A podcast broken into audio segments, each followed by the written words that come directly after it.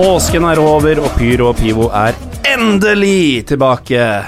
Ikke bare er Pyro og Pivo tilbake, men vi skal samle Pyro og Pivo-historien i panelet i dag.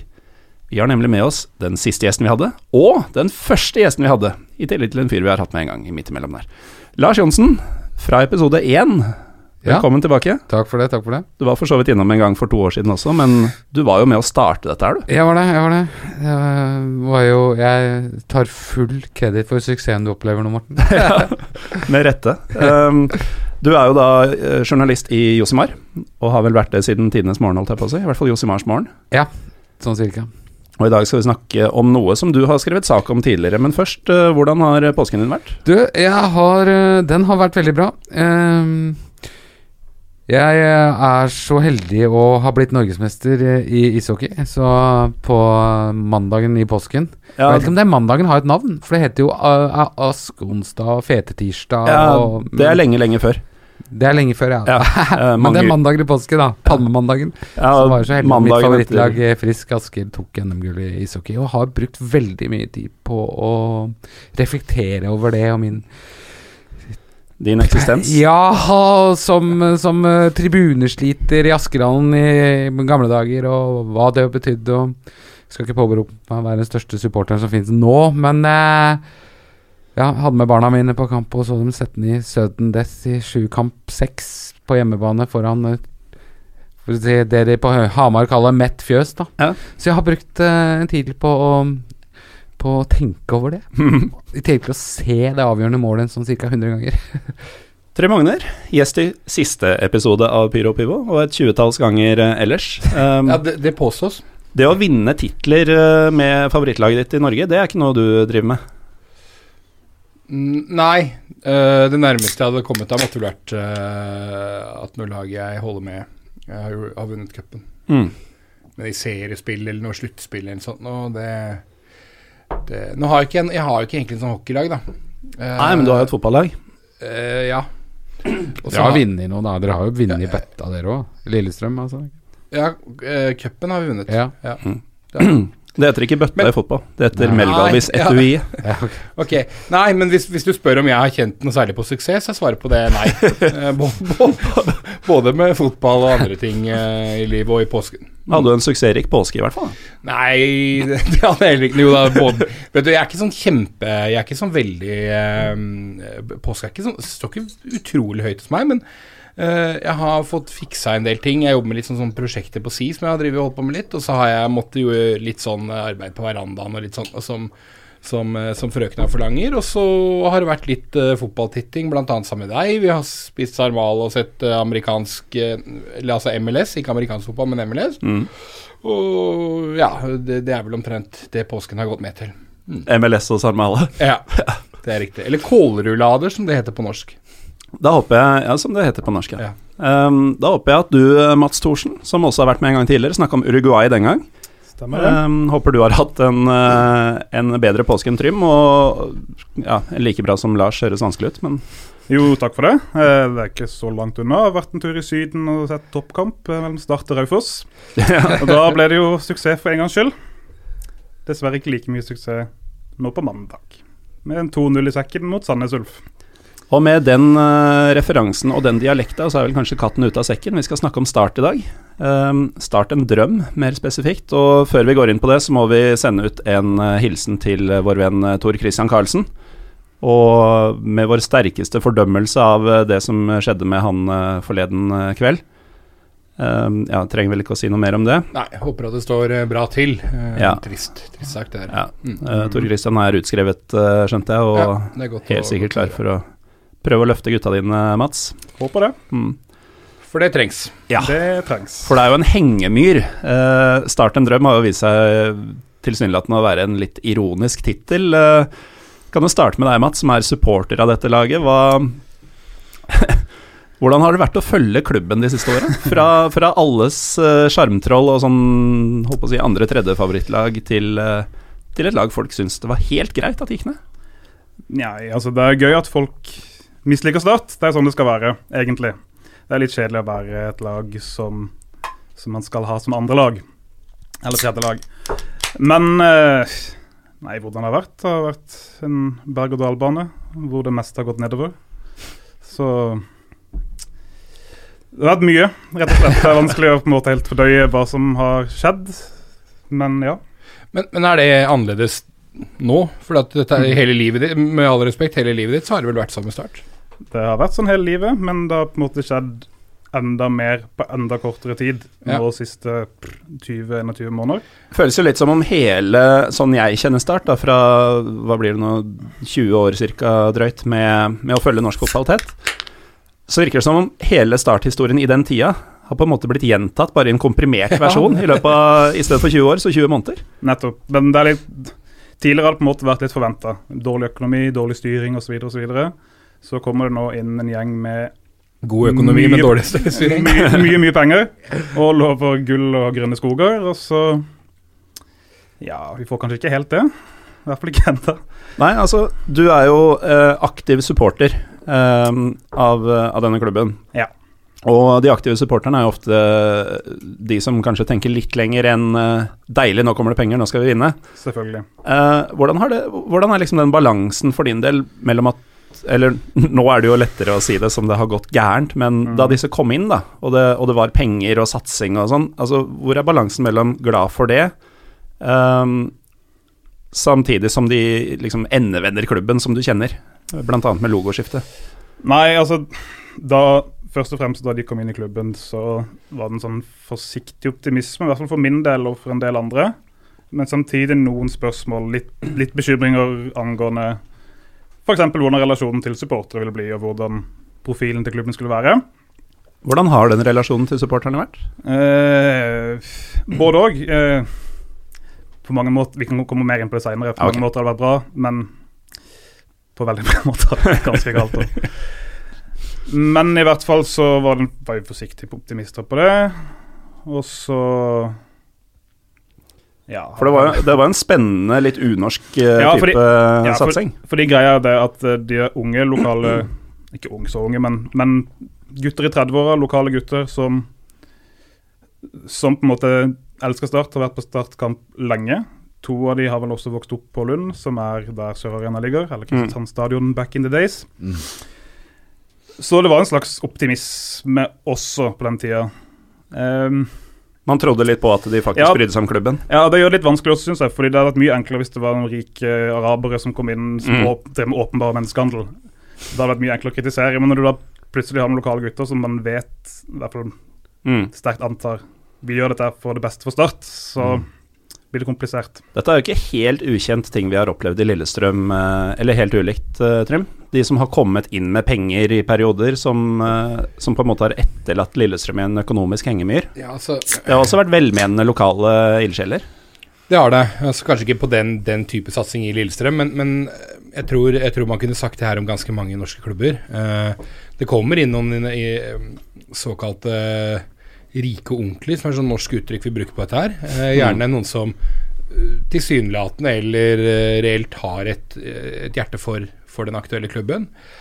Eh, Utfordringene er jo selvfølgelig mange, bl.a. at eh, det å oppnå øh, økonomisk og sportslig suksess i, i, norsk fotball er vanskelig uansett.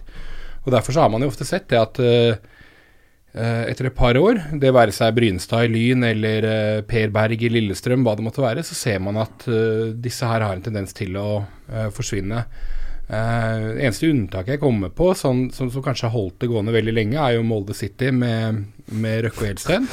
Uh, som, som bare har vært der nå i over 20 år. Uh, og så kanskje til dels da disse her meningsløse bidragene som Trond Moen Uh, Mm. Eh, gjør Tromsø og Brann og bjørntjeneste med. å Hiver rundt seg til tilfeldige eliteserieklubber. Ja, men selv der er det, er jo ikke de summene som, som Start en drøm har klart å svi av på, på 20 Så måneder, eller hva det var. Mm. Men eh, du er jo iuga tilhenger av norsk fotball i det hele tatt, eh, Trym. Hvordan ser du på Start i dag, uh, sammenligna med hvordan du så på dem for si fem år siden, ti år siden, 15? Nei, altså du, du var jo inne på det at Start kanskje hadde gått fra å være en klubb som, som veldig mange hadde et litt positivt forhold til, uavhengig av hvilken klubb man egentlig holdt med, eh, til at man syntes det var fryktelig gøy da de rykka ned i 2018, med, all- med all respekt. Eh, det er klart at For oss fra Romerike så var det jo også Så skjedde jo det. En gavepakke. Ja, det var en gavepakke fordi at For dere hadde eh, rykka ned om, om Ja, anta, an, an, altså de, høyst sannsynligvis hadde vi jo det hvis ikke Start tok det. Um, ja, jo, vi har prøvd i mange år å rykke ned, vi òg, men, men, men, men Start slår oss alltid på målstreken der. Um, så forholdet mitt til Start er egentlig så er det en klubb som flere enn de fleste klubber i Norge har hatt utrolig mange eh, ikoniske spillere, og en klubb man egentlig ikke ønsker så veldig mye vondt. Samtidig så er ikke det, det her er ikke første litt sånn usmakelige sa satsinga man har sett nede på Sørlandet. Uh, med, med Erik Soler og det managementet og det greiene der sånn. Og det er eh, Ti år tilbake i tid så gjorde man jo akkurat en del av det samme. Man henta inn Ygor for 12 millioner, som ikke hadde var ikke i nærheten av å få til noe. Man henta inn noen spillere som Altså Ygor for meg minner meg litt om uh, Adeleka Akinem i ti år mellom, selv om det er forskjellige spillertyper. og Bruno Rato Silva er uh, Arafat Mensa, eller hva han heter. Så, så man føler jo egentlig at historien gjentar seg, da. ganske, ganske detaljert gjentagelse også, tilsynelatende. Eh, apropos altså, Det er mye navn vi sikkert kom, har vært innom allerede og skal innom, men uh, Lars, mm. Start alltid hatt en del uh, typer, altså Strandli og Myggen i, i min ungdom. Mm. Og nå er det jo noen skal vi si, karakterer på Romerike som styrer klubben. Hva, hva tenker du om den gjengen som Jo, jo, nei, det Det er interessant det du sa sånn som innledning i spørsmålet ditt, med at det har liksom alles vært litt sånn alles favorittlag nummer to. Det føler jeg Jeg er litt eldre enn del. Jeg var så heldig å være til stede på Kristiansand stadion i det var vel sommeren 1991. Da Start sto Rosenborg 5-0. Altså basically blåste Rosenborg av banen en sånn sommerkveld på en søndag i Kristiansand. Tilfeldigvis var jeg der. Eh, og det var jo liksom Før var det matta, og da kom myggen. liksom, Det var eh, makrell, det var eh, eh, 3-5-2, alle mann i angrep, Brede Skistad som ropte 'spill på en gul en', liksom. Det var noe lek... Det var ikke noe sånn eh, Det var litt sånn sø... Altså sørlandsk Var noe sydlandsk, da? Og så, og så tenker har jeg mitt litt sånn inntrykk at eh, det er veldig få sørlendinger i ledende posisjoner.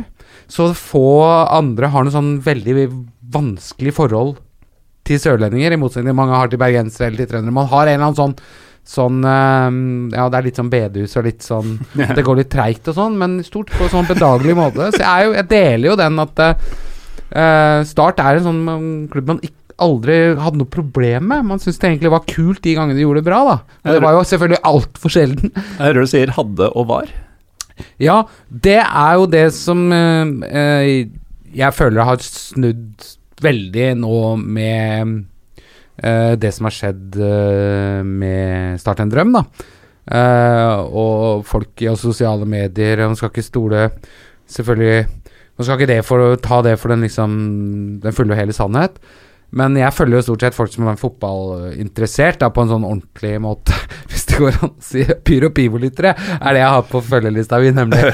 Så da um, Folk jubler litt når Start går ned, da. Mm. Eh, og det er jo Man egentlig unner man jo ingen å rykke ned, men er Start er ikke folks favorittklubb nummer to lenger. Og det er samme som når hun spilte Lillestrøm mot Molde. Vi skal ikke dra opp den, det som har foregått i Molde nå, men det, det var jo en sånn klubb som man heide litt på da de var den sølvklubben. Molde? Molde, ja, som blei litt sånn nummer to. Eller ikke Ja, men jeg, jeg skjønner hva du mener. Jeg tror mange ønska at Molde heller skulle vippe Rosenborg av pinnen. At de skulle vinne i 98 Ja, eller Ja. sånn, sånn, men det Da er ikke tilfellet nå lenger. tiden Nei, ikke sant? Ja, litt- Med Andreas Lund som banka mm. foran mål. Og Trond Andersson, Andersen og Freddy Dos Santos og Hele det laget der, for eksempel, var et sånt lag som folk hadde et positivt forhold til, og det har ikke folk lenger. Det var litt andre årsaker. Mm. Så, men eh, ja. Eh, så det er nok karakterer Mm. som driver det, og det er jo et uh, En gjeng som har tjent pengene sine på eh, gambling. Mm. De er det som Morten Pedersen Dagblad kalte for gamblingsbaroner. uh, Er som da har spytta pengene sine i mm, Og jeg tviler jo ikke på at de har en sterk kjærlighet til Start, for de er jo vokst opp, som du sier, på Lund, som er der hvor Kristiansand stadion ligger. Men uh, Mats, du som har sett dette på nært hold, uh, kan ikke du skissere en slags tidslinje for, uh, for denne håper jeg, overtagelsen? Eh, jo, det kan jeg selvfølgelig gjøre. Ja, selvfølgelig kan du. Selvfølgelig kan jeg det. Nei, altså greit, Det har vært mye rot i start, som, som dere er alene på nå. De siste ja, 25 åra sikkert. Men før 2017-sesongen så var det gjort mye økonomiske tiltak. Og daværende leder, direktør, Eivind Nei. Even Bransdal mente jo det at nå var klubben redda osv. Så, videre, og så, så går det et halvt år, så kommer nye eiere inn. De kommuniserer utad at uh, klubben vil gå konkurs hvis ikke disse eierne kommer inn. Så, men, men, stemmer det da altså at uh, direktør i Start da egentlig satt litt på begge sider av forhandlingsbordet for å få dem inn og til å ta over klubben? Ja. Ja. Det, det Nei, bare, sånn, bare sånn at vi legger litt linjene ja. for hvor ryddig dette var. Ja, ja det, det, vil si at sannsynligvis var mener det var Start en drøm som kom til han først, og skisserte liksom planen de hadde, og så var han veldig med på det. For han hadde, Hvis jeg ikke husker helt feil nå, så hadde vel han trukket seg, mm. men så stilte de som et krav om at han skulle fortsette for at de skulle bli med i klubben. Mm. Så da skjedde det. Og lokale gutter, det ble en slags optimisme at OK, nå skal Nå skjer det ting her. Mye snakk om moneyball og diverse mm. tekniske hjelpemidler som skulle gjøre oss til, til en stor klubb, da. Men på, og, på, ja. uh, på daværende tidspunkt så ligger Start godt an til å rykke opp? Da lå vi vel på andre- eller tredjeplass, ja. ja. I, i Obos. Ja. Med Steinar Pedersen som trener. Steinar Pedersen som trener, og, og, Andreas Jensen eh, som assistent. Eh, ja, det stemmer vel. det. Ja. God gammel romeriking, da. Ja, en, mm. faktisk et briljant fotballhode. Egentlig begge to, men, men ja. Ja. Men i hvert fall at Steinar Pedersen er jo på en måte det første ordentlige frampeket også. Mm. Fordi fem kamper før slutt så får han sparken på dagen. Mm. Eh, uten egentlig noen annen grunn at de ville sikre inn opprykket, og hadde regnet ut at det var mer sannsynlig at det ville skje hvis han fikk sparken. Ja, det regna det ut. ja, på et eller annet vis. Moneyball. Eh, ikke sant, ikke sant. Og da ligger de på første eller andre. Da, da lå vi, da lå vi på andreplass. Lå på andreplass, ja komfortabelt, mener jeg husker. Fire poeng foran eller noe sånt. Det er sånn jeg husker det. Mm. Og med Steinar Pedersen, som er en startlegende, egentlig. Eh, når han ryker ut, så ryker selvfølgelig også faren hans ut, som har vært keepertrener i Start i 2000 år. Mm. Kjetil Rutfer Pedersen. Mm. Så ja, det Gikk det, man, man røsker ved rota. Ja, ja, gikk det, det noen varsellamper liksom. der blant en del supportere at uh, dette var litt uh, Her gikk det litt vel fort fram, på ja. en måte? Det var mye diskusjon rundt akkurat altså, det. Jeg vet ikke hvor mange kamper han har for Start. Som spiller? Ja det vet ikke jeg heller i hodet. Nei, men det er mange. Det, det, er en del. Ja, og faren har mange. Det er jo en hel ja, ja, hele gjengen der er jo Ja, Steinar har jo også vært der i flere perioder. Ikke sant? Vokst opp i klubben, kom tilbake. Nettopp. Både som spiller og trener. Mm. Og jo, det var et frampek for det som skulle skje vel en halvannen måned seinere. Da Start lanserer ny logo. Mm. det digga du. Det var helt rått. Og det var skikkelig fremoverlent og bra og alt mulig. Så Men, det er, men jeg, ikke, ikke jeg bare, Eller hvis jeg skal spille djevelens advokat et lite øyeblikk, da hadde jeg tatt, kjøpt Start, hvis det var mulig. Som selvfølgelig ikke er mulig, det kommer vi sikkert komme tilbake til. Men da hadde jeg også skifta det første jeg hadde gjort Den er ikke spesielt kul, den gamle vimpelen. Nei, men Og så er det feil farger. Ja, så er det feil farger. Ja, men, men, Nei, da, men, men la, oss, la, oss, ta historien på det, da. Fordi at Start hadde en blå-hvit logo ja. og gule og svarte drakter. Det er en merkverdig kombinasjon. Men ikke mer ulikt enn Viking som har mørkeblå drakter og, og, og rød og, og Skeid med svart og gult, ja. rødt og blått. Det er ikke helt uvanlig i Norge, det er ikke helt uvanlig i Tyskland. Eh, det rast noen debatter om dette på Twitter for noen måneder siden. Eh, grunnen til at Start hadde en blå-hvit logo, var fordi at uh, opprinnelig så var draktene til Start blå og hvite. Men, mm. uh, men uh, andre lokale klubber hadde også blå og hvite drakter, f.eks. Uh, bydelsklubben Don, yes. som også hadde en blå og hvit vimpel som logo. Okay, ja. Så historisk sett så var Start blå og hvite, men de fant ut at vi, vi, må endre litt på fargene. Og derfor så beholdt man Men man beholdt logoen, men, men endret fargene på drakta. Mm. Um, så er det jo mellomting her òg, da. Man kan jo bytte eller Å fornye en logo i 2018 er jo ikke så Nei, Fotballfans er jo konservative, men det er jo ikke så kontroversielt å fornye en logo. Ja Problemet var det i større grad egentlig at de gikk helt bort fra det som var.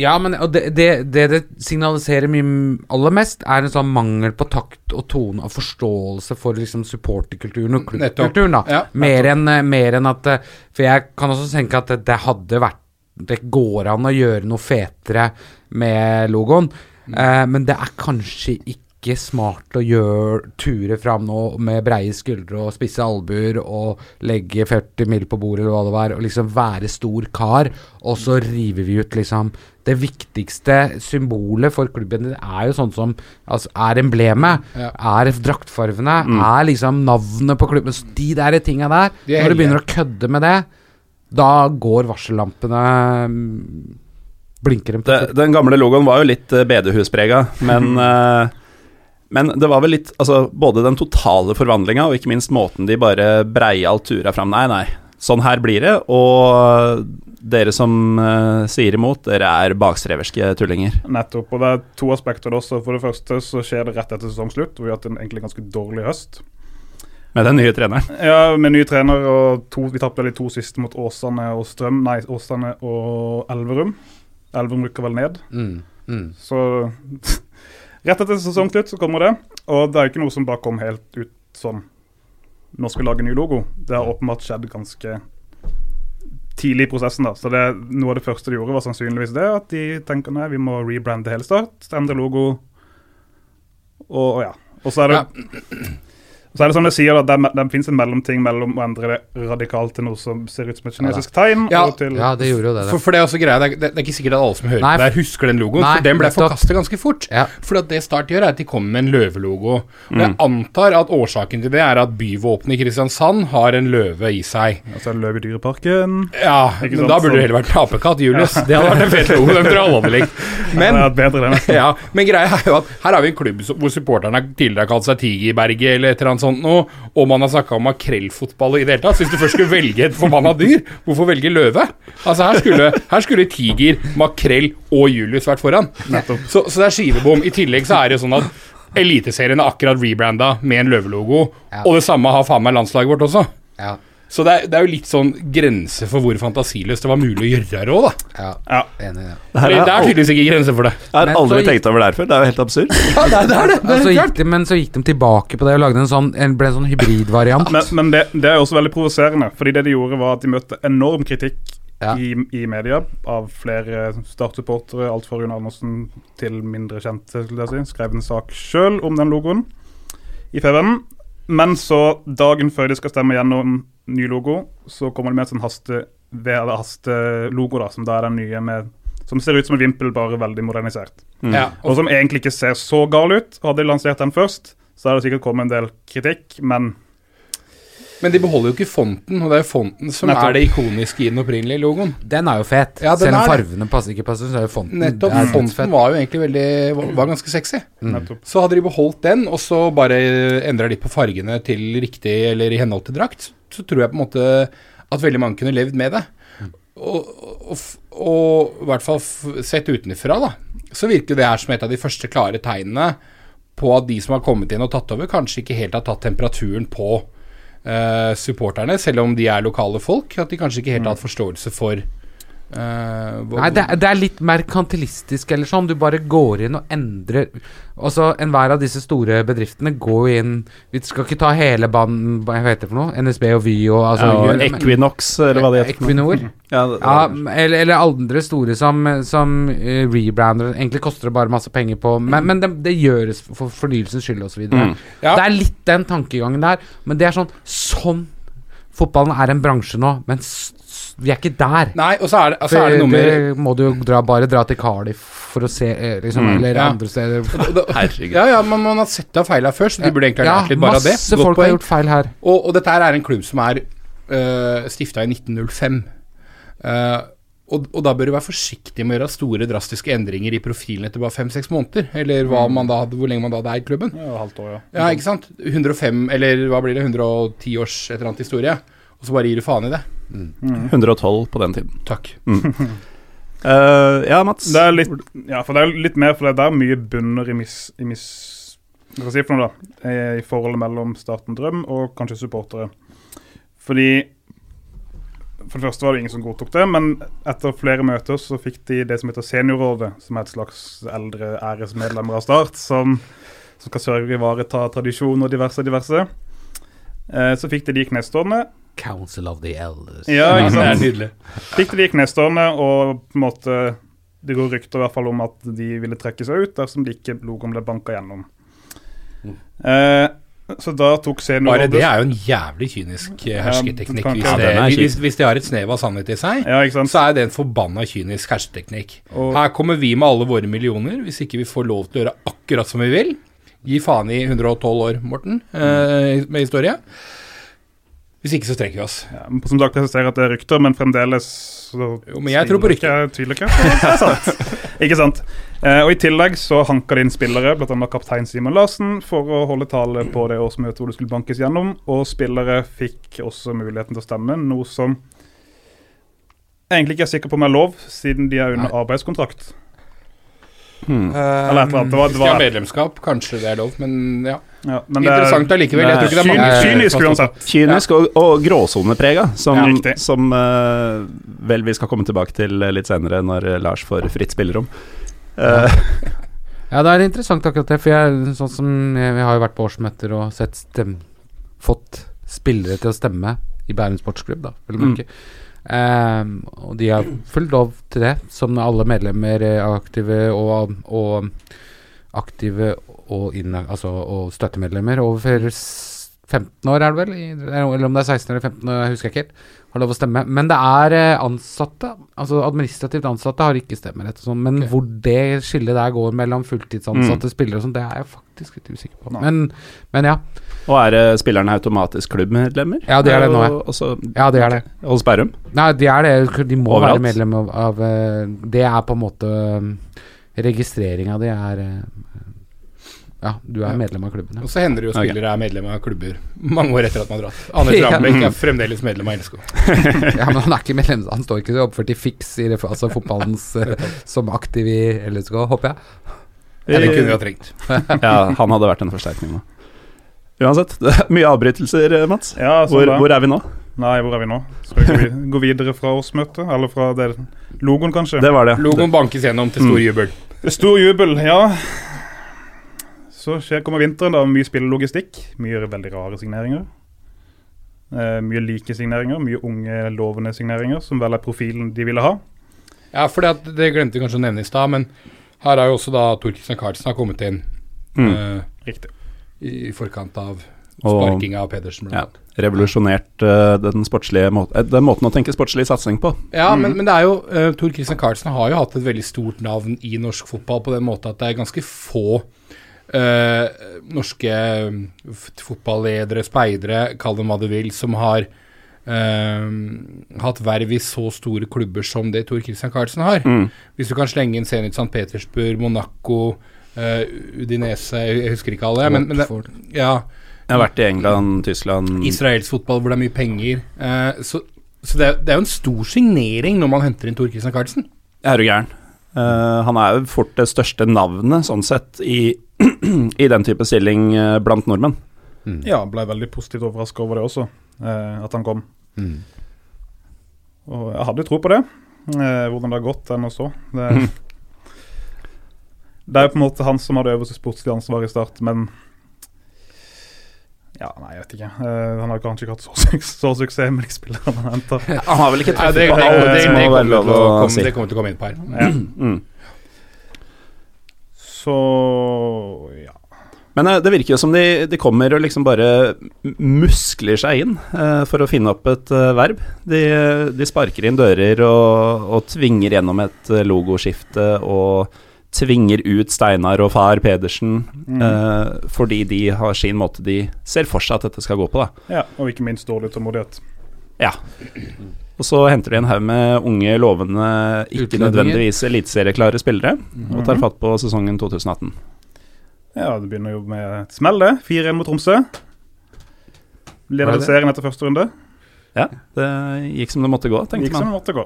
Åt- Åtte på rad etter det uten seier. På rad, ja. Sånn var det. Fire poeng Ja. etter ni kamper, noe sånt. Så fikk uh, Dempsey sparken. Ja. Da er vi en tredjedel ute i eliteseriesesongen i fjor omtrent, er vi ikke det? Litt Ja, rundt omtrent. der. Mm. Riktig. Um, ja. Så kommer jo Rekdal inn.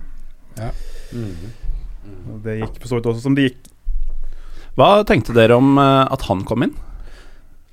Altså, én ting er typen, men Tenk- igjen grunn til forsiktig optimisme, eller? Ja, litt. Tenkte på en måte det er kanskje mannen som skulle klare å redde Start. At uh, han er den pragmatikeren som trengs for å kunne klare å holde, i, holde oss i Eliteserien. En som kjefter folk i form, på en måte? Ja, kanskje. Ja, men g- g- eh, jeg, jeg husker hva jeg tenkte som en fyr som holdt med et lag som konkurrerte med Start om å unngå å rykke ned. Og jeg tenkte det her likte jeg ikke i det hele tatt, for at nå har de fått en fyr som i gåsetegn er en eh, nedrykksgarantist. Altså ikke garantist for nedrykk, Ja. men, men for å unngå det, da. Ja. Eh, at uh, kanskje ikke Rekdal kommer til å gjøre Start til verdens beste lag i løpet av to sesonger, men, men mest sannsynlig kommer de ikke til å rykke ned, husker jeg jeg tenkte da. Og det går utover mitt lag, derfor liker jeg ikke det, liksom. Var det du tenkte?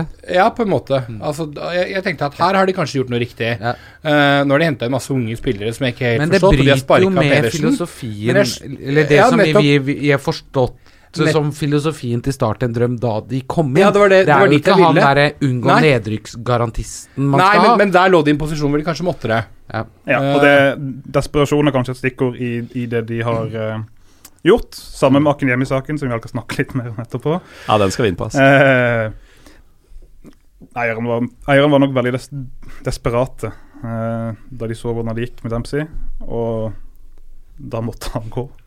Og da var det kanskje viktigere for de å beholde plassen enn å gjøre sitt For å utvikle eget spill, da, og så heller rykke ned og så rykke opp igjen. Men så i stedet så satser vi på Rekdal, rykker ned likevel. Mm. Ja, fordi Nå kjenner ikke jeg så godt til eh, hvordan Steinar Pedersen ønsker å spille fotball, men jeg, jeg ser for meg at det er et Det er ikke nødvendigvis en veldig rød tråd mellom eh, Pedersen, Dempsey, Rekdal. Nei, ikke det tatt. Og Reital tok vel da heller ikke over et, en spillergruppe som uh, Ja, Trym? Nei, jeg jo b- b- Unnskyld om jeg avbryter, men det er også interessant med de trenerbitene her. Er at, og nå, Som vi nå vet, så har jo Rekdal også fått sparken. Det som er interessant, er jo at assistenttrenerne har jo stort sett hele tiden fått lov til å være de samme. Og det er, det er, det er en pussig greie, fordi at ikke alltid, men ofte når en ny trener kommer inn og tar over, så ønsker han å ha med seg en del av sine egne folk. I start så har jo flere av de samme har jo vært med hele veien. Um, og det er også det, uh, Og det jeg, jeg var inne på det i stad, jeg mener bl.a. Andreas Jensen er en utrolig flink fotballfagmann, så det er ikke at jeg har noe uh, negativt å si om det, men det er allikevel kanskje et tegn på at man ikke uh, egentlig, når man ansetter en ny trener, at man egentlig ikke er helt investert i prosjektet, da. Mm. Og eh, apropos prosjektet, eh, Mats. Dere bytter trener eh, i desperasjon. Mm. Så kommer høsten. Den kommer, den. Vi gikk fin, fint inn i høsten. Høsten ble vel eh, mer eller mindre vinteren i Game of Thrones. Ja, Det gjorde det. Når ting skal, jeg har ikke sett et eneste sekund av Game of Thrones, men jeg skjønte at når vinteren kommer, da blir det fælt. Ja, og den, den lange natta, som det heter, den er hos oss ennå. Men man, man prøver jo å forberede seg godt til den her eh, vinteren, som du kaller eller høstsesongen, som, som mange kaller det i Eliteserien. uh, for det brukes jo veldig mye penger sommeren 2018 på å hente inn spillere som Altså da er Rekdal kommet, og så bruker man mye penger på, på å kjøpe inn nye spillere som skal sørge for at dette nedrykket er eh, at, at det ikke blir noe av. Ja. Da kan vi jo egentlig flette inn Adeleka Akinyemi med en gang, Trym. Fordi her uh, reagerte du kraftig da, da denne mannen uh, ble kjøpt. Uh, Ja, forfattet en, en ganske infamøs tråd på Twitter, som ble retweeta bl.a. av dere, Josimar Lars. Mm. Um, kan ikke du fortelle litt om, om, om hvorfor du syns denne, dette kjøpet var Nei. merkelig? Altså, i, i, i- det hele tatt så er jeg interessert i, i overganger i norsk fotball. Så jeg syns alltid det er gøy. Så når det kommer en fyr som kommer fra en, en litt, litt uvanlig vei, så tenker jeg at det her har jeg lyst til å prøve å eh, finne ut litt ut av. Og så kan jeg komme fra latvisk fotball. Jeg har en kjærlighet for, eh, for Baltikum. Eh, kjenner til Venstre litt fra før av. Så vil jeg titte litt på hva er det som har skjedd. Eh, fordi at å, å kjøpe en spiller i, i, norsk eliteserie for eh, ca. 10 millioner kroner pluss, pluss, pluss i ulike eh, klausuler som kan inntreffe, det er fryktelig mye penger. I tillegg så kommer han jo såpass seint, eh, for det var jo nesten så overgangsvinduet egentlig hadde stengt før han til slutt blir annonsert. Og han blir hasta inn og får ikke lov til å si noe første dagen til noe media. Det var en veldig sånn rar sak. Så jeg, så jeg begynte å titte litt på hva, hva er veien til denne unge nigerianske spilleren fra fra latvisk fotball til Sørlandet. Eh, og den, den veien går jo via Nord-Kypros og Albania og Kosovo, blant annet. Det var en brokete. Det var det sånn, the, the, the road less traveled by, eller noe sånt. Ja, ja. Det er det man alltid drar med i sånne bryllup. Om du står, du står i krysset mellom den ene eller den andre veien, og så jeg valgte den. The road less traveled. Ja, det er det less Han har valgt den andre veien hele tida. Ja, ja, så til de grader. For at han har jo da tidligere, før han går til Ventspils i Latvia, så har han vært eid av Skenderbeu i Albania.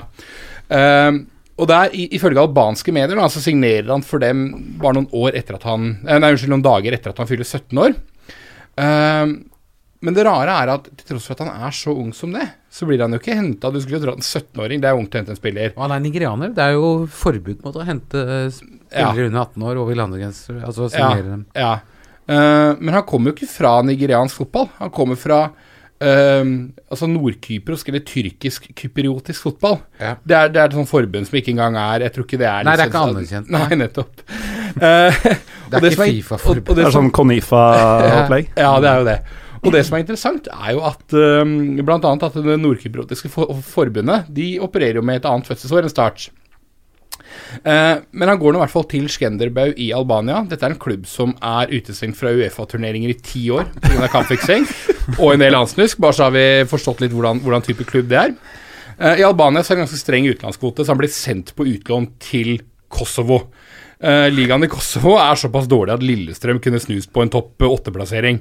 Det, det, det er basically en amatørliga, så det er et pussig sted å dra. Men, men det er nå i hvert fall ikke helt uvanlig at Albania At det er en del connections der, naturligvis, og spillere havner der. Spilte han for Trepcha? Han spiller for Trepcha. Hvilken av dem? Uh, en av de tre klubbene som heter Trepcha i byen Mitrovica. Ok. Ja, alle tre spiller i grønt og svart, og alle tre har kallenavnet Gruvearbeiderne. så, men men det er, det er riktignok den- Det ene ligger på den ene siden av elven, hvor de er, eh, snakker serbisk og ikke albansk, så det er noe det er noe eh, litt skille Og det er det som er sånn, eh, FK Trepcha som- og ikke KF. Som researcher, da, så er det jo litt vanskelig å vite liksom, når du skal track, liksom følge en, ja. en reise, på en måte. Ja. Jeg hadde, i, jeg hadde faktisk vært i Mitrovica den sommeren han var der og spilte. Og jeg fikk ikke sett noen match, men jeg prøvde å snakke med noen av de albanerne jeg kjenner der nede, om de huska han i byen han spilte, men det var det ingen som gjorde. Uh, uansett, etter at han har vært i Trepsja, så drar han aldri tilbake til Skenderbeu. Han blir solgt til Ventspils i uh, Latvia. Nå må, jeg nesten, må jeg nesten være forsiktig med hva jeg sier her, for det blir mange navn. Uh, første sesongen hans så skårer han ti mål uh, for Ventspils. Eh, og de havner på en fjerdeplass som er litt skuffende. Ventspils er sammen med Skontoriga, store klubben i Latvia. Fjerdeplass er ikke alt verden i en liga med tror jeg ti lag. Uh, men pga. cup eller et eller annet, eller sluttspill eller et annet, så er de i Europaliga kvalik året etterpå. Og nå er vi jo virkelig inne på Pyro Pivos eh, domene her, Morten. Oh yeah. uh, og selv om Adeleke Akinemi da egentlig ikke har herja noe voldsomt i latvisk fotball, så, så blir han veldig attraktiv for flere klubber antageligvis, fordi at han, han putter bl.a. mot Bordeaux i en kvalik. Mm. og det er klart at da, da, da får man litt oppmerksomhet. Eh, men fire dager etter den skåringa så forsvinner jo da Akinemi fra Ventspils. Eh, klubben går ut med en pressemelding hvor de sier at eh, han er kidnappa. Dette skriver de på sin egen hjemmeside, både på latvisk og russisk. At Ak Akinemi har blitt kidnappa? Ja, helt riktig. Eh, og de kobler da inn latvisk politi for dette her, for de får ikke tak i han. Han har forsvunnet, ingen vet hvor han er. Ja. Vi er ikke helt ferdige ennå, Morten. Får jeg lov til å fortsette? Ja, for all del. Eh, meg. Ja. eh, og etter noen dager til så sender de ut enda en pressemelding hvor de, hvor de er veldig opptatt av å gjøre det klart at det er de som har 100% eierskap i Adeleka Akiniemi. Det er viktig for dem å presisere av en eller annen grunn. Eh, og de skriver også der at spilleren er fremdeles savnet. Ca. en uke etter den pressemeldinga så er vi da på overgangsvinduets siste dag i Norge, og Akiniemi dukker opp på, på Sør Arena. Uh, ja, Uh, og, og- og det er selve overgangen. Uh, Mats, har gutta dine kidnappa Adeleka Akinyemi? Skal ikke utelukke det. Nei. Men det var noe som ble sagt der, ja, fordi, fordi jeg fremdeles det er også Det, er ikke ikke, det, slutter ikke å være oppsiktsvekkende. Nei da, for vi er fremdeles ikke helt ferdig. Igjen, da. 10 millioner kroner. Eller en million euro pluss. Det er mye penger. Det er masse penger i Latvia. Sist gang en spiller kosta så mye, så var det Maris Verpakovskis, og alle husker hvor stor han var da han gikk til Dynamo Kiev og den, den perioden der sånn. Ja, han skøyt jo Latvia til EM. Ja. Um, det, er en, det er en utrolig stor sum i latvisk fotball, men Men nok om det. En liten stund etterpå så, så kommer det litt mer info om det her. For da prater Tor Christian Karlsen om at Mats Nesset, som er en av gutta i Start en drøm, eh, at, at hans latviske kontakter var avgjørende for å få dette igjennom. Og det er veldig interessant. Det sier han til Fedrelandsvennen, ikke sant? Det sier han til Fedrelandsvennen, eh, og forteller at, eh, at han kunne lose oss gjennom dette og sette oss i kontakt i, eh, med eh, gåsetegn, de riktige personene. Uten han hadde det ikke vært mulig å løse dette.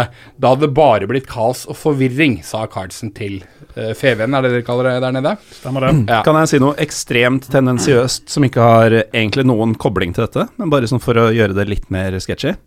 Jeg har blitt rana én gang i mitt liv, Ok. og det var ikke av enkeltpersoner, men av et utested. Eh, Gjett hvilket land det var i. Nei, jeg, jeg, jeg, Latvia? Det var i Latvia, altså. Da er vi i Nord- Nord-Kypros eller Ja. Latvia? Ja, Nei, det, det var i Latvia. Eh, rett og slett uh, visstnok en, eh, en scheme som eh, russisk mafia hadde på en del utesteder i Riga. Ja. Kanskje dette er de rette personene som uh, Jan Førstestein ble nevnt?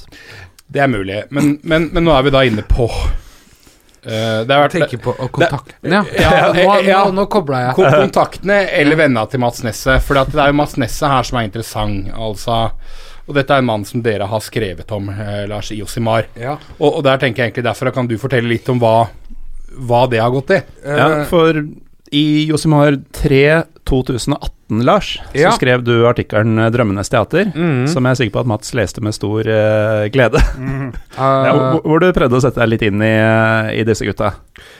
Ja, uh, det gjør jeg. Eh, for så vidt og prøvde å Altså, hvem, hvem er eierne til start? Altså, dette er jo Var jo eh, Kan du si En større eh, del av den større debatten om den mulige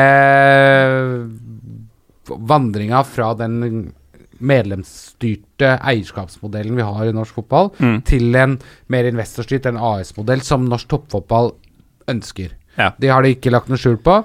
Eh, og dualmodellen som vi, noen av oss kjenner godt, da, hvor man eh, opererer med to styrer, altså man kan selv Hva skal man kalle det? Outsource deler av klubben til et AS som skal ta seg av det økonomiske, og da sitter igjen også med en del eh, og økonomiske oppsider dersom det blir det. Det er det veldig lite av, da. Det kan jo Per Berger Lillestrøm skrive under på, f.eks. eksempel Men, eh, men det er liksom tankegangen bak det. Det er kompliserte greier allerede.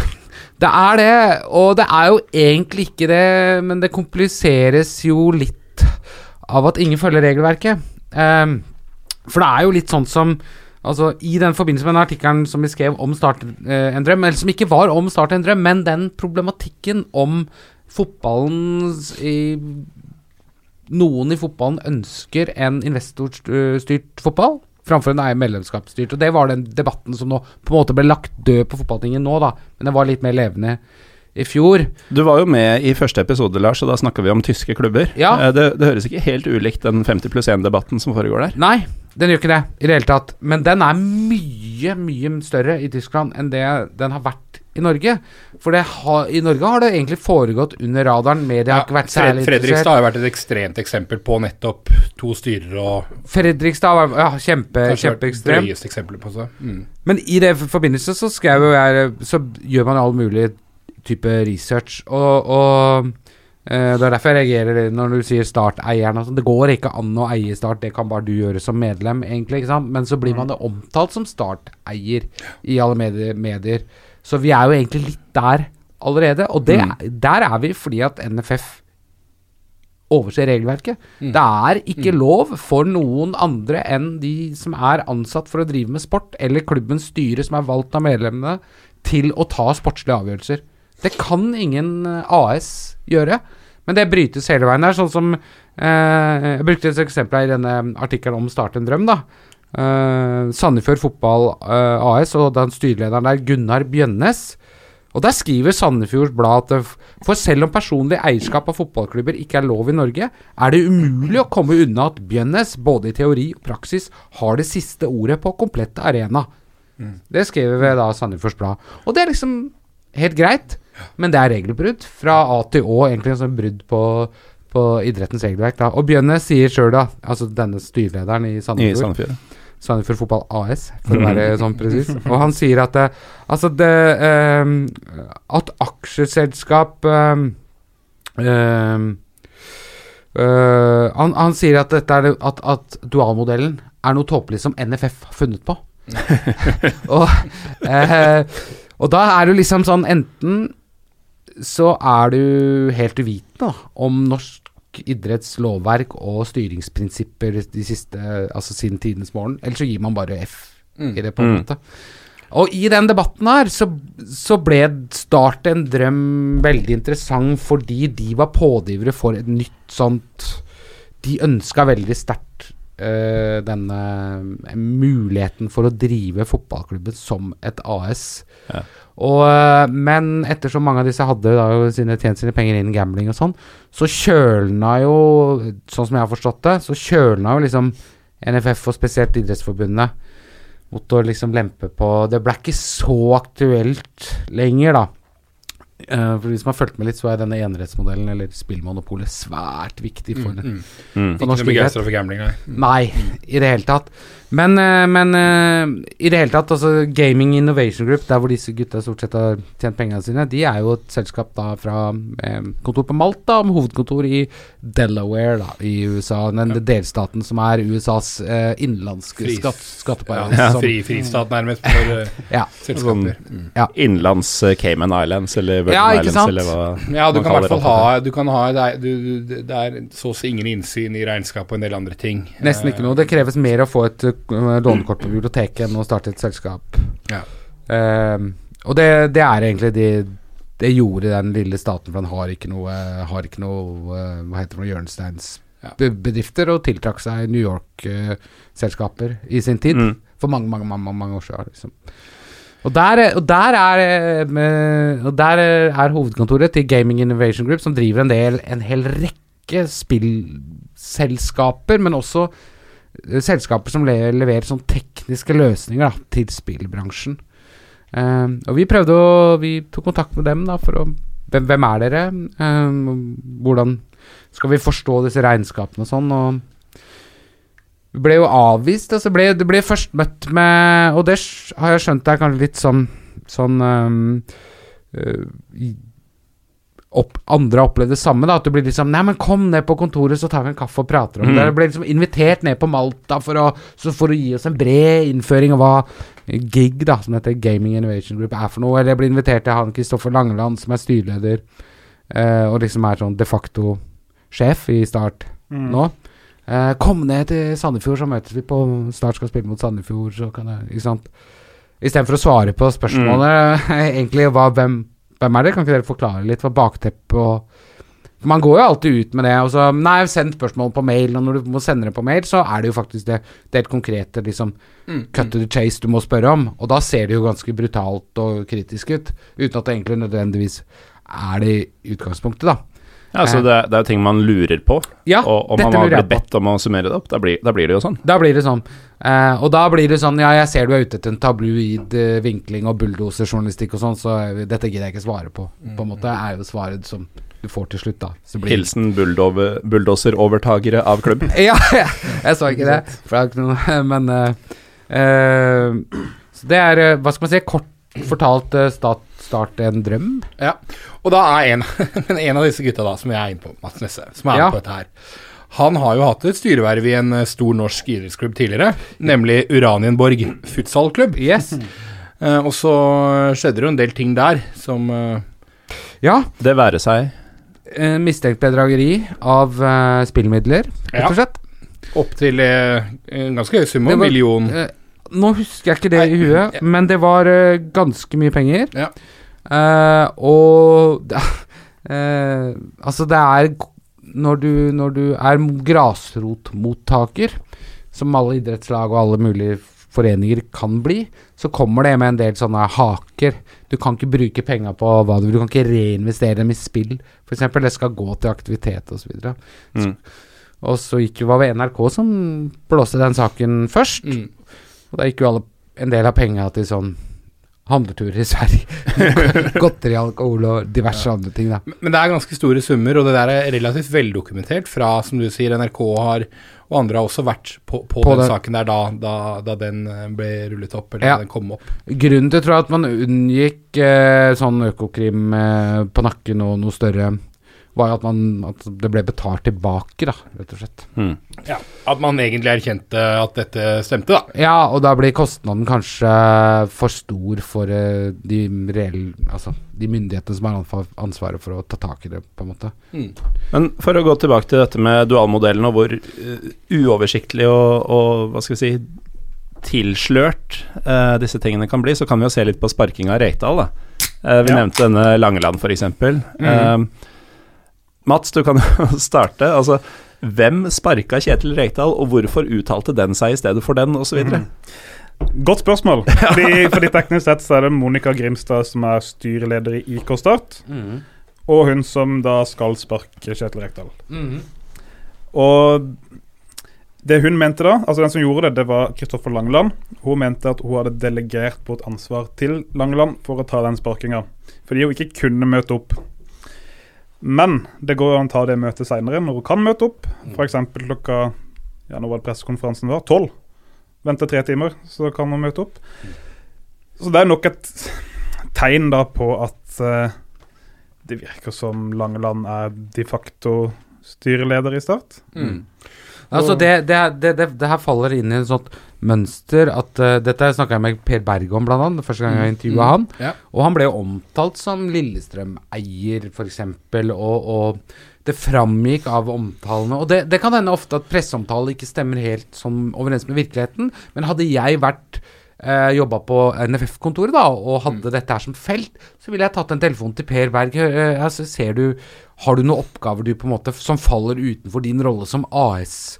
Eh, den, den telefonen kom aldri, fortalte han. Altså Overalt så er det sånn at uh, det er de som har penga, eh, som på en måte er ut, på utsida faktisk av denne klubbstrukturen som skal bestemme sånne ting som sparkinger. Blant annet så ble ikke Steinar Nilsen sparken av TIL Holding, altså eh, A- dual, eller AS-er til TIL, og ikke liksom av klubben. Og Og forrige det, gang Per sånn, Berg så ble ingenting som, ingen, det ble aldri noe straff. Det har aldri blitt delt ut noe straff til noen pga. det, på en måte. Forrige gang Per Berg kom inn med penger i Lillestrøm også, var jo høsten, vinteren 2011-2012, eh, Trym. Og da var det jo et Dette var jo uttalt i mediene. Det, det var, du var på blant annet jeg var på Dagsrevyen. Ja. Men uh, da var det jo faktisk uttalt i mediene at uh, et uh, kriterie for at pengene skulle komme, var at Henning Berg gikk ut. Mm. Um, så dette er jo ikke noe nytt, men det er jo fortsatt ganske skittent. Uh, Mats, hvordan er det egentlig for en Start-supporter? Uh, nå har vi ramsa opp mye uh, Man kunne jo kalt det eder og galle, men det er jo egentlig bare uh, en del fakta og en del um, spekulering fordi vi ikke får fakta fordi folk ikke svarer på spørsmål. Men Mm. lukker dere øya og håper på det beste, eller er dere bekymra for, uh, for hva, hva slags uh, motivasjon det er, og, og, og, og, og hva som egentlig foregår i klubben? Kan vel si at vi holder åp øynene åpne, men samtidig håper på det beste. Altså, vanskelig å gjøre så mye også. Og så Ja, man får jo ikke gjort noe. Nei, det er liksom Det føles mest som på en måte å bare bli tråkka på over og over igjen.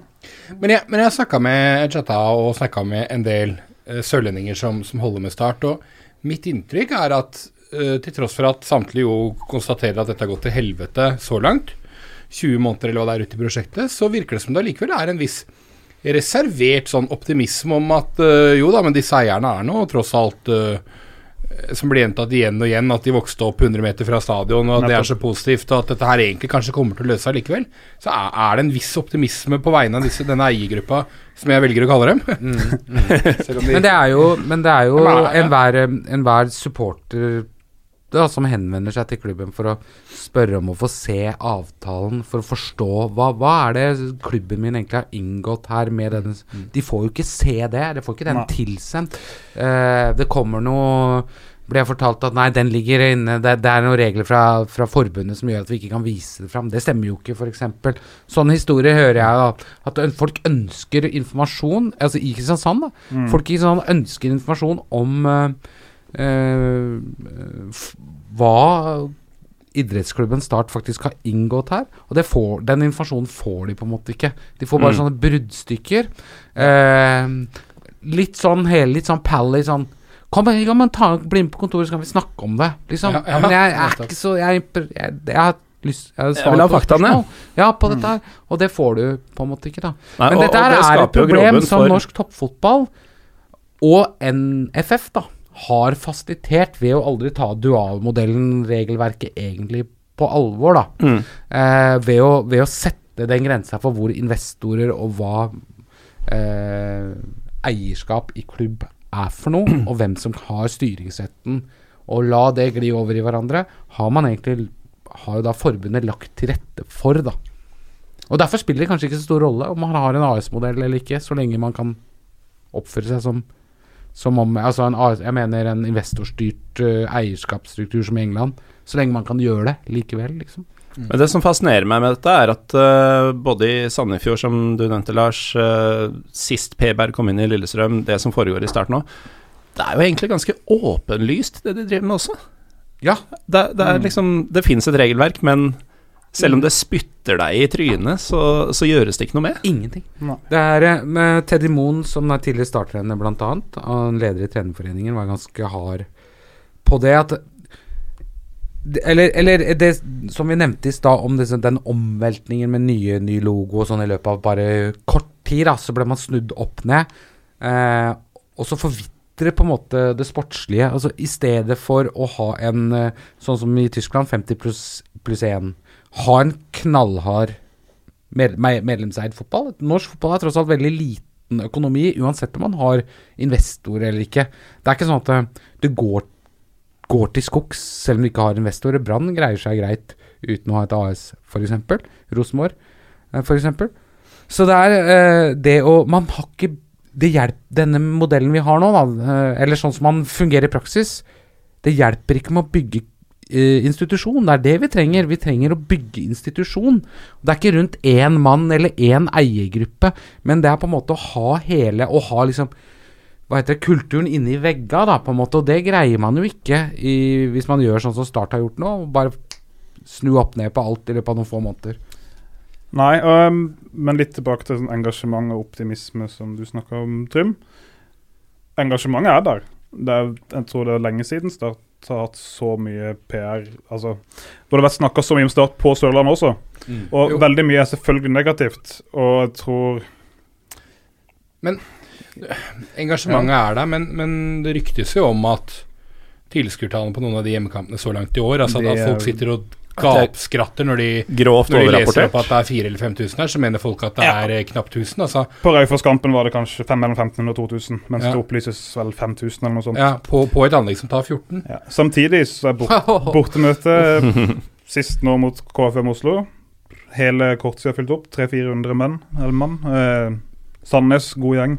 Det så ut som du hadde kult på den KFA-kampen. Ja, det var gøy, det. Ja, det er sånn klassisk sånn når du storklubb som går ned i Mm. et nivå og fyller liksom to, to sider. Ja, og jeg tror 2018-19 har vært blant de bedre åra for bortes, Start borte. Men er Mm. ikke, er ikke det nesten noe interessant i seg sjøl? Det er det. Fordi eh, det er Start, altså. start altså Unnskyld at jeg sier det, Mats, men det har jo vært en aldri så liten laughingstock eh, i supportmiljøene i de mer etablerte Eller hva skal vi si, de større eh, supporterklubbene rundt om. Men fått mye skryt for eh, oppmøte og mentalitet på bortebane, spesielt i fjor. Lerkendal borte i 2018, ja. Ja. ja. Uh, er det Altså, du bor jo i Oslo, og du, Oslo. du, du er svært engasjert. Er det det sørlendinger driver med? Flytter hjemmefra for å støtte Mm. lag i andre byer? Nei, nå er vel nesten den eneste som bor her. Av Nei, det er vel flere. Tre-fire som bor i Oslo. Alternative Start, kan du si. Ikke sant? Så hva, hva er greia? Hvorfor er dere så sterke borte og såpass Nei, vi prikk, prikk, prikk hjemme? Hva skal jeg si? Det, det er jo samme Altså, de som reiser borte, er som oftest også hjemme, men det er som oftest ikke så mange flere. Nei, Så er men en, kan, Dere, dere har alltid vært sterke i Stavanger, da. Det- jo da. Men det er kanskje kan jeg få lov til å komme med noe, noen teorier rundt det der?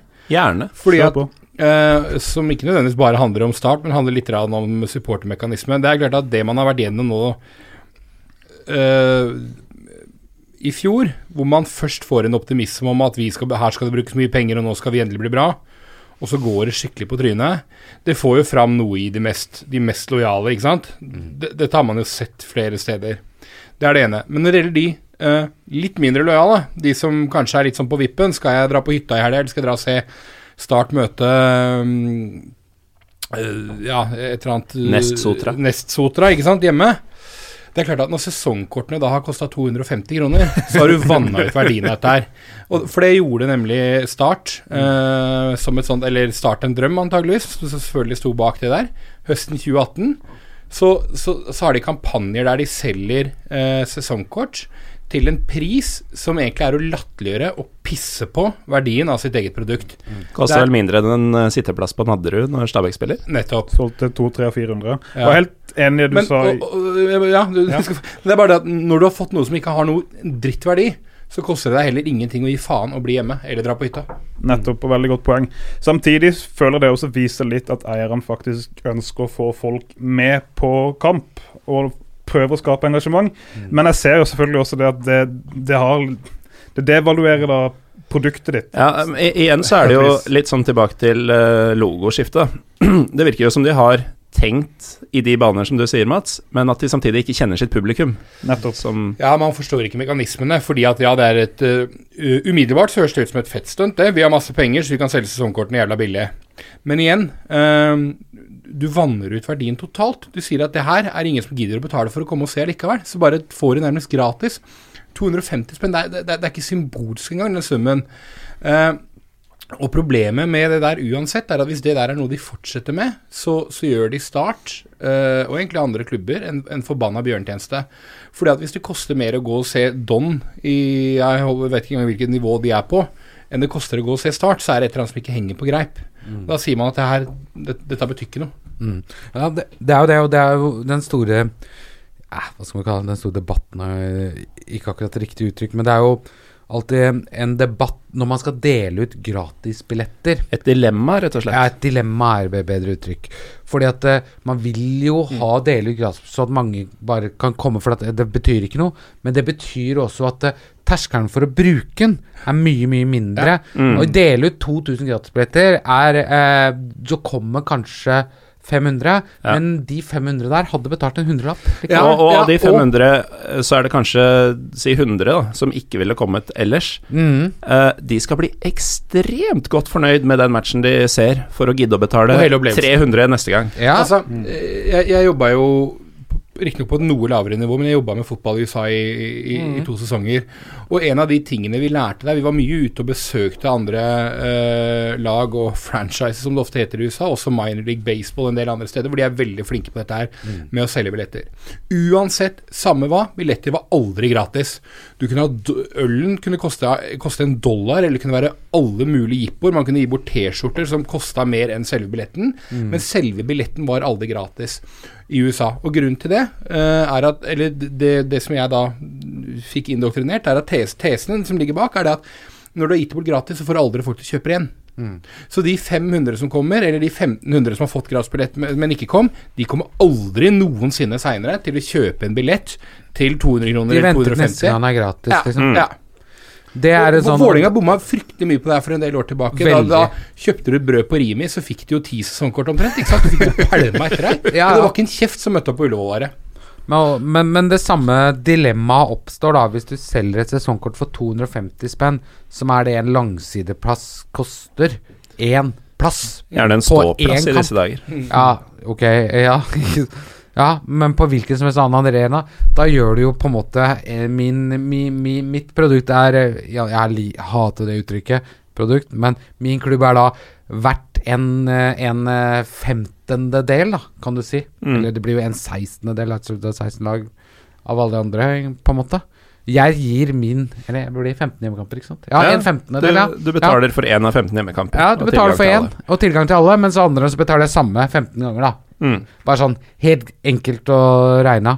Jeg var aldri god i matte, skjønner du. Det eneste jeg skjønner, er sånn tre poeng og ett poeng. Og, Det merkes, Lars. uh, vi, vi må faktisk prøve å konkludere litt her, vi. Um, kan jo la Mats, som har mest investert i dette, svare til sist. Uh, Trym, hva, hva, er det vi har kommet fram til, uh, egentlig? Hva, hva, tenker du om, om Start en drøm nå? Uh, Sammenligna med hva du tenkte for én time og fire minutter siden?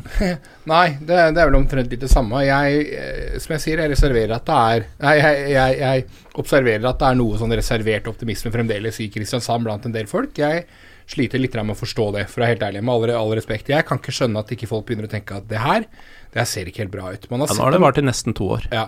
Uh, mm. Måten Vi har ikke vært så mye inne på det i dag. Måten Rekdal ble sparka på, tidspunktet og sånt Nå kan godt være at det var riktig å sparke Rekdal. Det vet ikke jeg nok om. Men måten det skjedde på, måten det ble håndtert, var jo helt håpløs. Og dette er da tredje treneren på kort tid. Uh, når man tapt to av de første fire kampene i Obo. Spørsmålet er hvor lenge er det alle disse eierne står i det.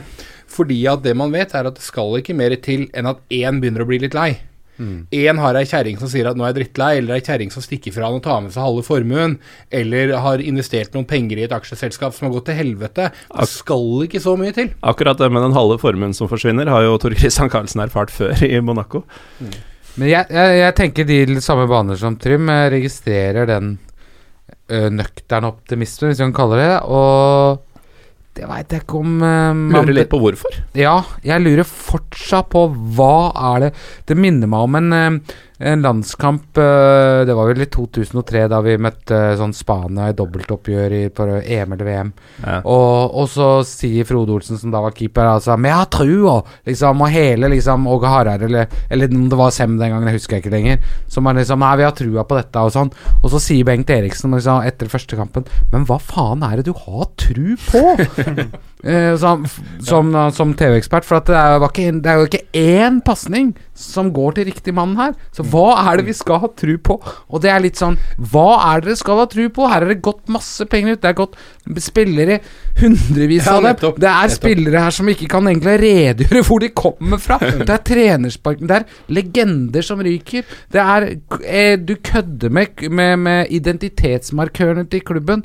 Uh, Uh, du, du ansett uh, En ting som du sa, Trym, at det kan hende det er riktig å sparke Rekdal. Det jeg har hørt, så var det helt riktig. Men det var jo det å ansette han in the first place ja. som er klin gærent. Altså, det er så mange av de tingene. Altså, hvor den optimismen Hva er det jeg skal tro på?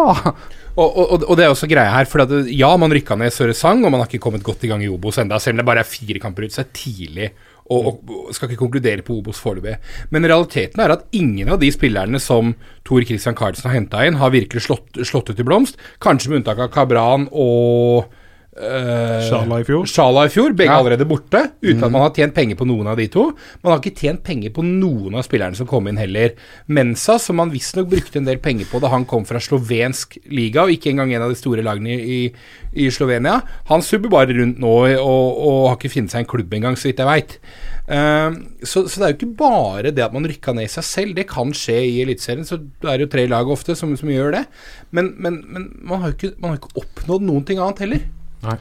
Okay, nei, man, nei, man har ikke det. Eh, samtidig så ser man en helt annen profil på overgangsmarkedet nå, nå, i vinter i forhold til i fjor. Henter to, tilbake to lokale sørlendinger fra Stabæk. Tatt opp Sander Sjøkvist, henter Joakim Jørgensen. Men noen plan for spillet er det jo ikke. Eh, Også, det er vanskelig på en måte, da. Det er vanskelig å Forsiktig optimist, kanskje. Samtidig men, nei, men jeg føler at har, liksom. man har bestemt seg for å være litt optimist, da, for nå er det på ned på bånn. Det er ikke våre penger, vet du. Nei, det er akkurat det. ja, Og så er dere ikke bergensere eller romerikinger, så dere er ikke så, dere er ikke så pessimistiske. Nei, men, nei, men, det spiller ikke noen rolle om pengene forsvinner, for det er ikke våre. Det er ikke klubben jo, sin. Men jeg skal fortelle deg hvorfor det spiller en rolle. Fortell. Fordi at i det øyeblikket disse gutta her, hvis min tese er riktig, om at på et eller annet tidspunkt så forsvinner de Hvis dere da sitter igjen, dere altså Start, med spillelønninger der, der flere hever halvannen og to millioner kroner i året, og man har sagt til alle supporterne våre at sesongkorta trenger dere ikke å betale en dritt for, man har ikke noe inntektsgrunnlag, og man har jævlig høye lønnsutgifter. Da er det plutselig et problem. Kjempe. For da kan det være at dere har større økonomiske problemer enn Start har tidligere, og det skal godt gjøres. Og Derfor og her... er det en del Start-supportere, og, og, og, andre, inkludert meg, som skulle gjerne likt å se avtalene mm. uh, på hva er det som eh, hvordan kan den, hvilke oppsigelsesgrunn har partene her, og hva vil det føre til? Ja, det er svært akkurat det Trym sier, er jo akkurat det vi har sett i, i Lillestrøm ved Oi, Lyn, opptil sånn, flere anledninger. Lyn gikk jo til grunne pga. dette. Det er sant. Nei, og akkurat den avtalen er visstnok veldig vag og utydelig på hvordan de to kan trekkes ut. etter hva jeg har hørt, så, så det lover ikke godt sånn sett. Men jeg, jeg, Men vet er- jo, jeg vet jo hva man eh, Eller vet er kanskje et hardt ord, men jeg har fått en god del informasjon på hva man tilbød Smarason, som valgte å bli Lillestrøm. Og den lønna Start tilbød Smarason for å komme ned til Kristiansand og spille på nivå 2 i Norge, den var vesentlig høyere enn det Vålerenga og Lillestrøm kunne tilby. Og der, allerede der tenker jeg at det er et lite rødt flagg. Det er et eh, meget rødt flagg. Men du skal få Du prøvde burde, å svare i stad, burde vært en rød, nei, blå-hvit vimpel. Men, men uh,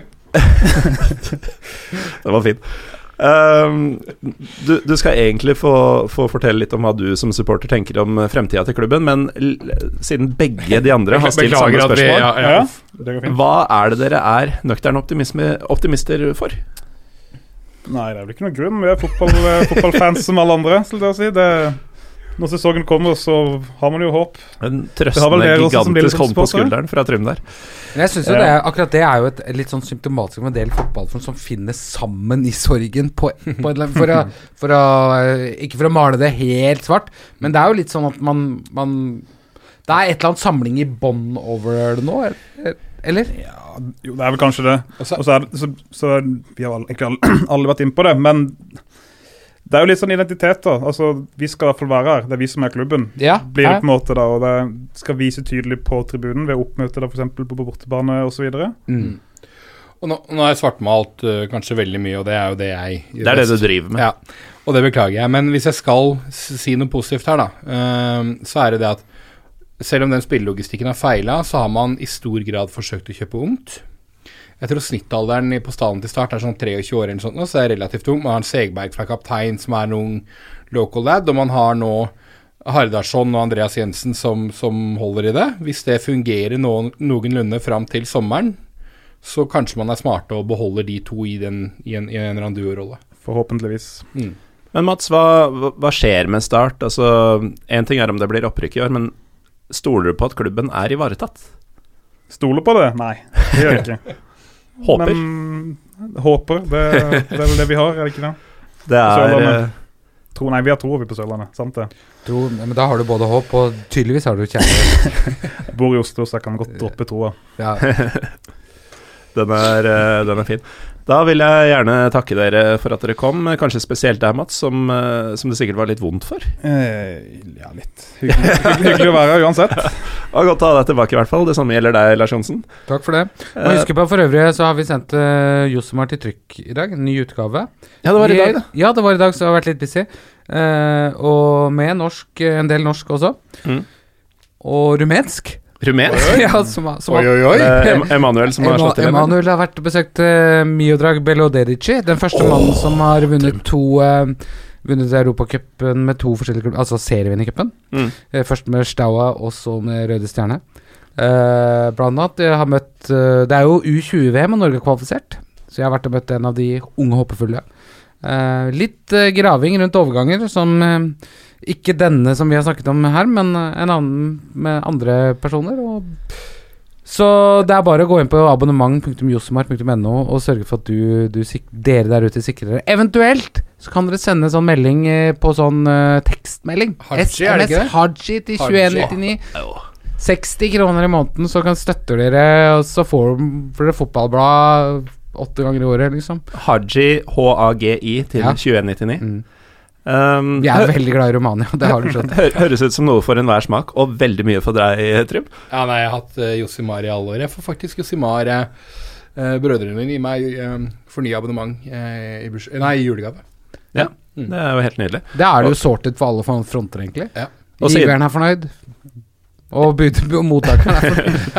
Ikke sant? Og siden det plutselig ble en liten reklamespott for Josimar her, da Lars egentlig bare skulle si takk for at han fikk komme, er moderne media, er det ikke? Jo, så, så må jeg jo nevne Jeg er jo egentlig inhabil, men eh, for dere som syns Det er så bra å starte en setning sånn. Jeg er egentlig Men- men, det er jeg må bare mange- skyte inn det. I siste utgave, som jeg akkurat har sendt i trykk, så har altså Nils Henrik Smith møtt sin forfatterhelt Dag Solstad, hvor han forteller om, om bøkene, VM-bøkene, som da på en måte er eh, norsk litteraturhistorie, egentlig også, hvis man er For oss som både har sett YouTube-klipp med Dag Solstad, og som har møtt Nils Henrik Smith, Ja. den samtalen der skal man være flue på veggen. Altså. Men um, det jeg skulle si, var at eh, veldig mange lyttere setter jo pris på deg, Trym. det Og er mye, det er mye gærninger. Uh, det er mye gærninger, det har vi etablert for lenge siden. Uh, du har jo faktisk en egen podkast nå.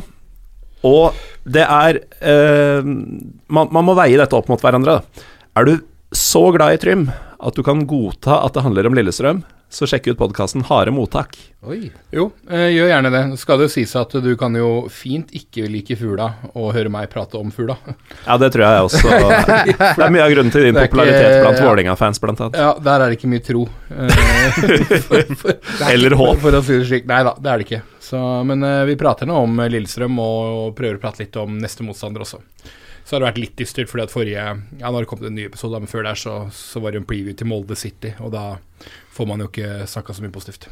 Det gjør man ikke. Og sikkert ikke i kjølvannet heller, så du sier det er en ny episode ute etter den kampen.